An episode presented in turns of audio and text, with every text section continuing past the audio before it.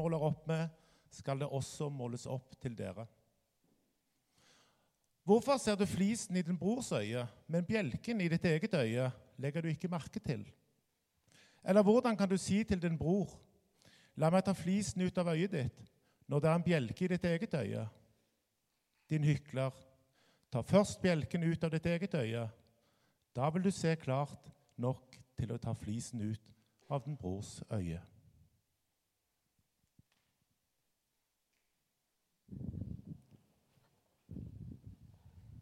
Sniker meg bort her. Vi eh, skal fortsette i dag på temarekken som vi har hatt de siste ukene, med Jesu ikke-bud. Jeg kaller det ikke-bud, det er jo ikke noe ord. Men han, Jesus kommer med flere utsagn der han ber oss om å ikke gjøre noe. Altså frykt ikke, synd ikke, døm ikke, bekymre dere ikke. Og så skal vi prøve å forstå skal prøve å forstå hvordan det var å være blant de første som møtte dette budskapet. Og så skal vi liksom sette Paulus litt til side. Skal vi sette noen av tingene vi har lært om kristendommen, til side. Ta det vekk, og ta Det gamle testamentet vekk. Starte litt på begynnelsen. For hvordan ville, hvordan ville det være å være en Jesus-etterfølger før Bibelen ble skrevet? Det er litt spennende. Hva var det egentlig Jesus ba sine første etterfølgere om å gjøre? De første kristne de trengte ikke å bli jøder. Å følge alle forskriftene i Det gamle testamentet for å følge Jesus. Det var ikke noe, Du måtte ikke bli jøde for å følge Jesus. Det ble sagt at de hadde alt de trengte for å være en Jesus-etterfølger, selv om de ikke visste noe om jødenes lover. I tillegg til at evangeliet levde på folkemunne, så hadde Jesus gitt etterfølgerne sine mange noen, noen, nye bud. Og mange kjente jo ikke til de gamle, så dette var nytt for dem. Det viktigste var jo dette med at du skal elske Gud og de neste som deg selv. Men i tillegg så var det disse ikke-budene. Frykt ikke, synd ikke, døm ikke, bekymre dere ikke, blant andre. Alt det de hadde å forholde seg til, det var det Jesus sa, og Den hellige ånd som ledet dem. Men noen av disse Jesu utsagn og bud de var ganske urealistiske, kan det virke som. De ga ikke engang mening før etter oppstandelsen, vil mange si. F.eks. disse ikke-budene. Frykt ikke, synd ikke, døm ikke, bekymre dere ikke er det mulig å forholde seg til disse ikke-budene. Det som gjorde at, eh, at, kristendommen spredte seg så fort i starten, i de første århundrene etter at Jesus snakket til disiplene sine, det var ikke bare det at han ba dem å gjøre ting eller ikke gjøre ting. Mange av de, de tingene han sa, var, er jo på en måte nesten umulig å følge hele livet. Nei, det som gjorde at mennesker trosset frykt og bekymring og tvil, det var det at Jesus sto opp fra de døde. Etter at han hadde sagt disse tingene. Og budene som Jesus kom med, da ble, ble, da satt i et helt annet lys. Plutselig fikk tilhengerne hans en aha-opplevelse der de innså Vent litt. Vi tjener jo en frelser som har vunnet over døden. Dette handler ikke bare om å gjøre ting, innså de. Dette handler om å leve i lys av at vi har sett Jesus oppstått. Vi vet at han døde for våre synder, og at han leder oss inn i et helt nytt type liv. Og Det ikke-budet vi skal se på i dag, det, det er, er eh, det jeg, si at, jeg, kan vel si det sånn at La meg si at det er et av de viktigste. Det sier jeg kanskje hver gang. For det er et av disse ikke-budene som ofte blir sitert fra Bibelen. Dette budet her. Og antagelig er det et av de mest eh, siterte ikke-budene blant ikke-kristne.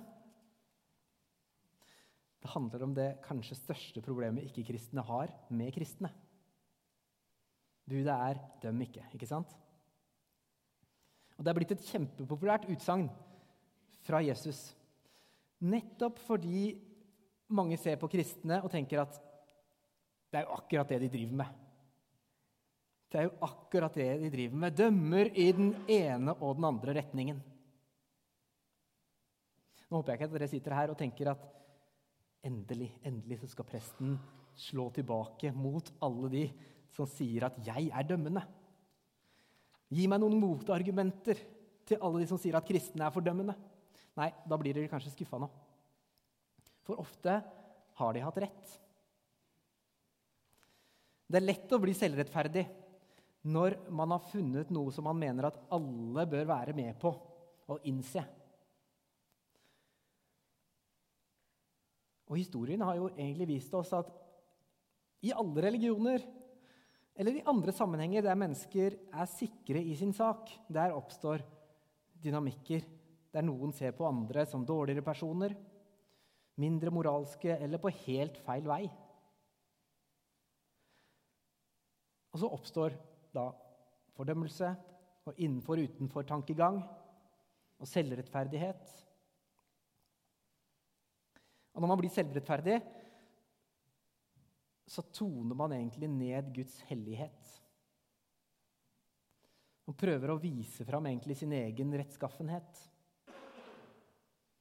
Og så slår man folk i hodet med Bibelen og sier, 'Ja, men se da, mann! Det står jo her!' Få det inn i den, tykke, den tykke skallen din. Nei, det er jo sånn at hvis man har oppdaget noe som ikke alle har oppdaget, og hvis man i tillegg har oppdaget noe som eller noen som ber deg gjøre livsstilsendringer, så står man egentlig i fare for å bli selvrettferdig. Man står mer utsatt til for å bli selvrettferdig. Vi ser det egentlig i, i politisk debatt hele tiden. I debatt om miljø, om skatt, andre store saker. Så under alle disse debattene så ulmer liksom beskyldningene om at du er selvrettferdig. Nei, du, det er du, det er du. Ikke sant? Du vil forby andre å leve sånn som de vil. Du vil tvinge meg til å leve på en måte som er vanskelig for meg, men som du egentlig ikke lever etter selv engang. Det ligger liksom i bakgrunnen, og det kan blusse opp når som helst i debatt, store debatter. Når vi, det, også når vi ser det i politikken, så er det i hvert fall aktuelt i religiøs sammenheng. Så hvis du i det hele tatt er religiøs, uansett religion, så står du i fare for å være eller framstå som dømmende, egentlig. Litt mer utsatt til. Og det gjør dette, dette ikke-budet til et viktig bud. Ikke sant? Døm ikke. Men et, en annen grunn også til at dette er et veldig viktig ikke-bud, er fordi døm ikke var jo ikke egentlig alt Jesus sa. Det er nyanser i dette døm ikke-budet som gjerne ikke kommer fram. For, for døm ikke, det var jo Vi hørte teksten i stad, men det er, døm ikke er jo begynnelsen på en diskusjon. Eh, men dessverre så er det ofte den eneste delen av dem ikke som folk forstår eller husker. Døm ikke. Punktum. Jesus starter jo med det i den teksten vi leser. Døm ikke. Og det brukes gjerne som et forsvar mot kritikk. Og med det egentlig mener vi vel noe sånt som 'ikke kritiser meg'. Eller still spørsmålstegn ved noe jeg gjør. Ikke kritiser meg for oppførselen min, for det har ikke du noe med. Ikke bland deg.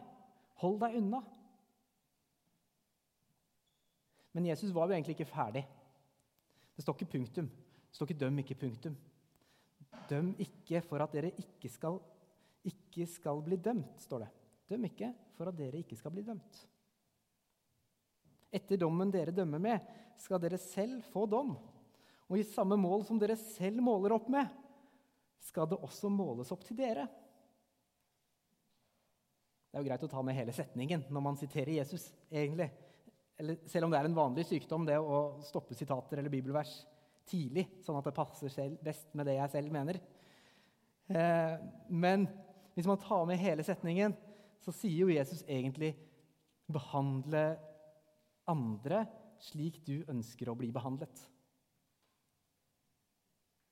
For du kommer til å bli dømt på samme grunnlag som du dømmer andre på. Hvis du er streng og pirkete på småting, så vil du selv bli tatt på at du glemte å ta ut søpla. Eller glemte å gratulere med dagen på Facebook. Glemte å legge ned, legge ned dolokket hele året. Et eller annet sånt. Småting. Så hvis vi kommer til å bli dømt da, på, på den samme måten som vi dømmer andre mennesker Da er jo spørsmålet Hvordan vil du bli dømt? Hvordan vil vil du selv bli evaluert? Jeg kan svare først. Ja. Jeg, eh, jeg vil ikke bli dømt. Altså Jeg vil ikke bli dømt i det hele tatt. Men hvis du må dømme meg, det er kanskje det Hvis du i det hele tatt må evaluere meg med kritisk blikk, så vil jeg at du skal gjøre det med barmhjertighet.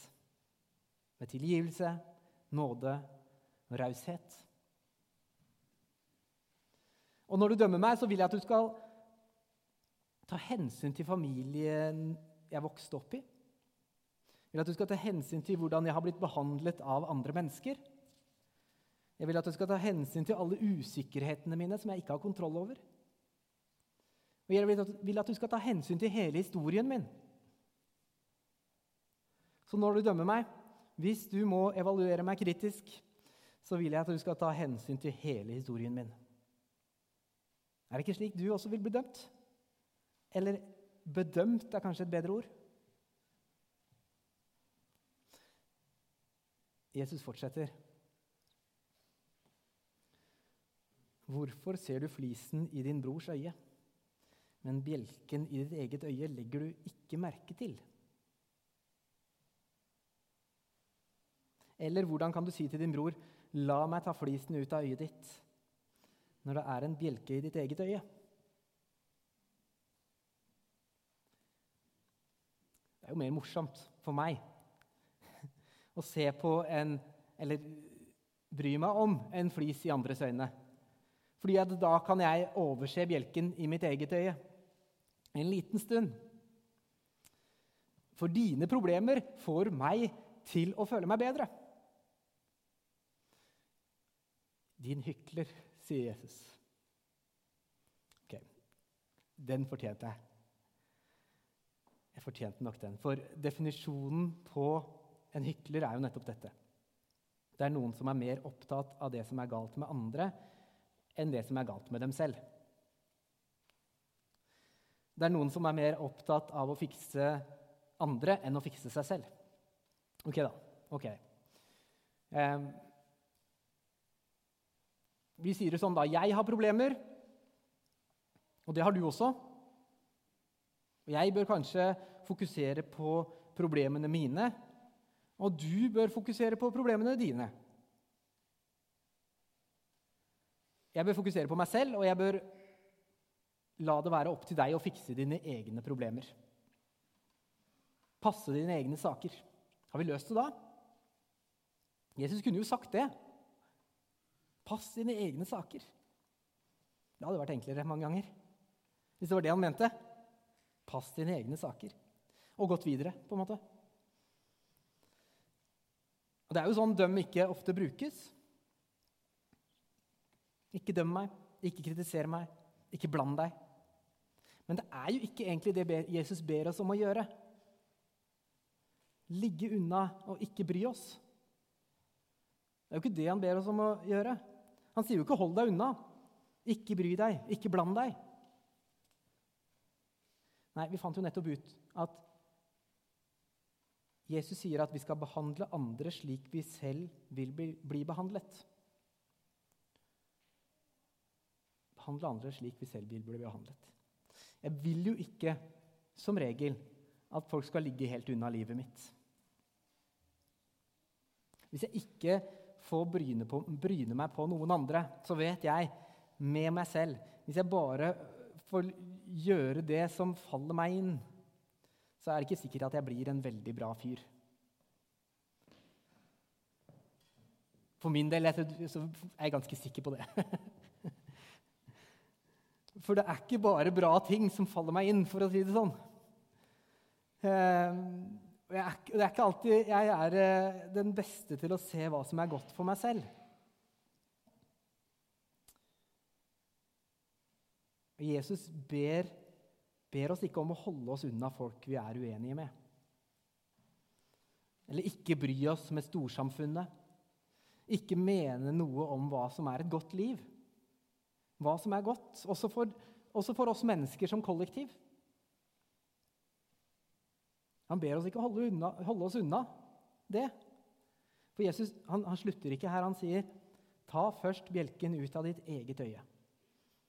Han ber oss om å gjøre noe, ikke sant? Ta først bjelken ut av ditt eget øye. Da vil du se klart nok til å ta flisen ut av øyet til broren din, sier Jesus.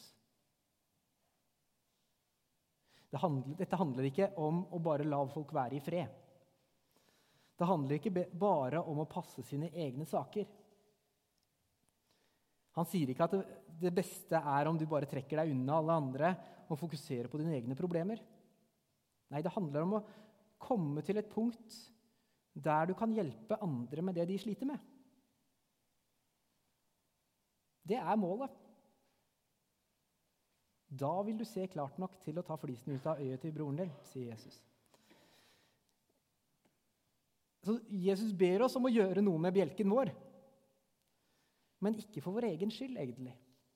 Men for å kunne se klart. Klart nok til å hjelpe andre med problemene sine. Hjelpe, ikke fordømme.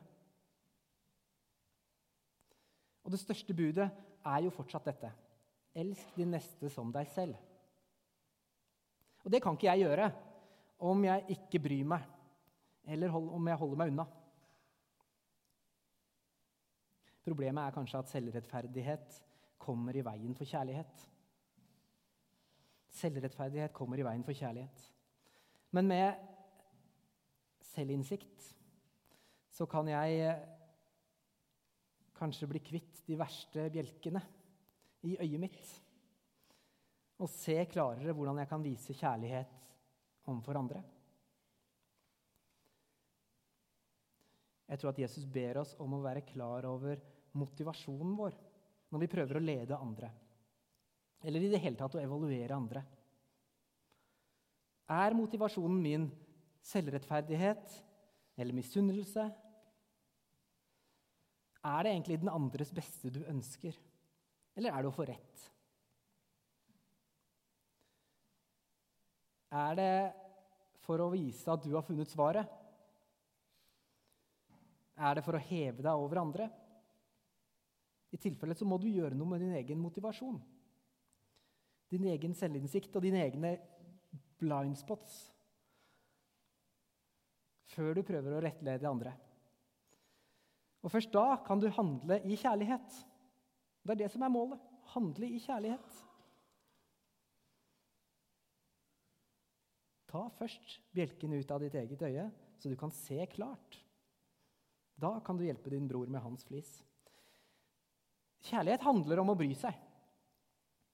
Og det viktigste budet er fortsatt 'elsk hverandre'. Det var disse ikke-budene som motiverte de første kristne. Og som gjorde at kristendommen spredte seg vidt og bredt de første århundrene etter Kristus.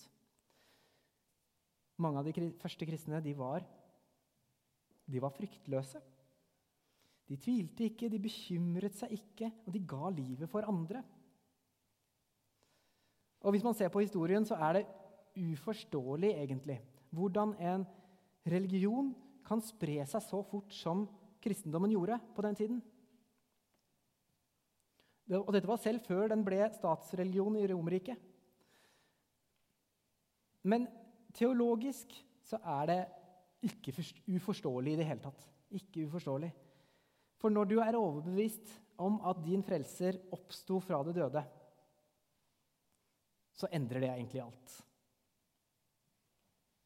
Og når den overbevisningen ble kombinert med Jesu bud om å elske hverandre, så forandret det verden. Rett og slett.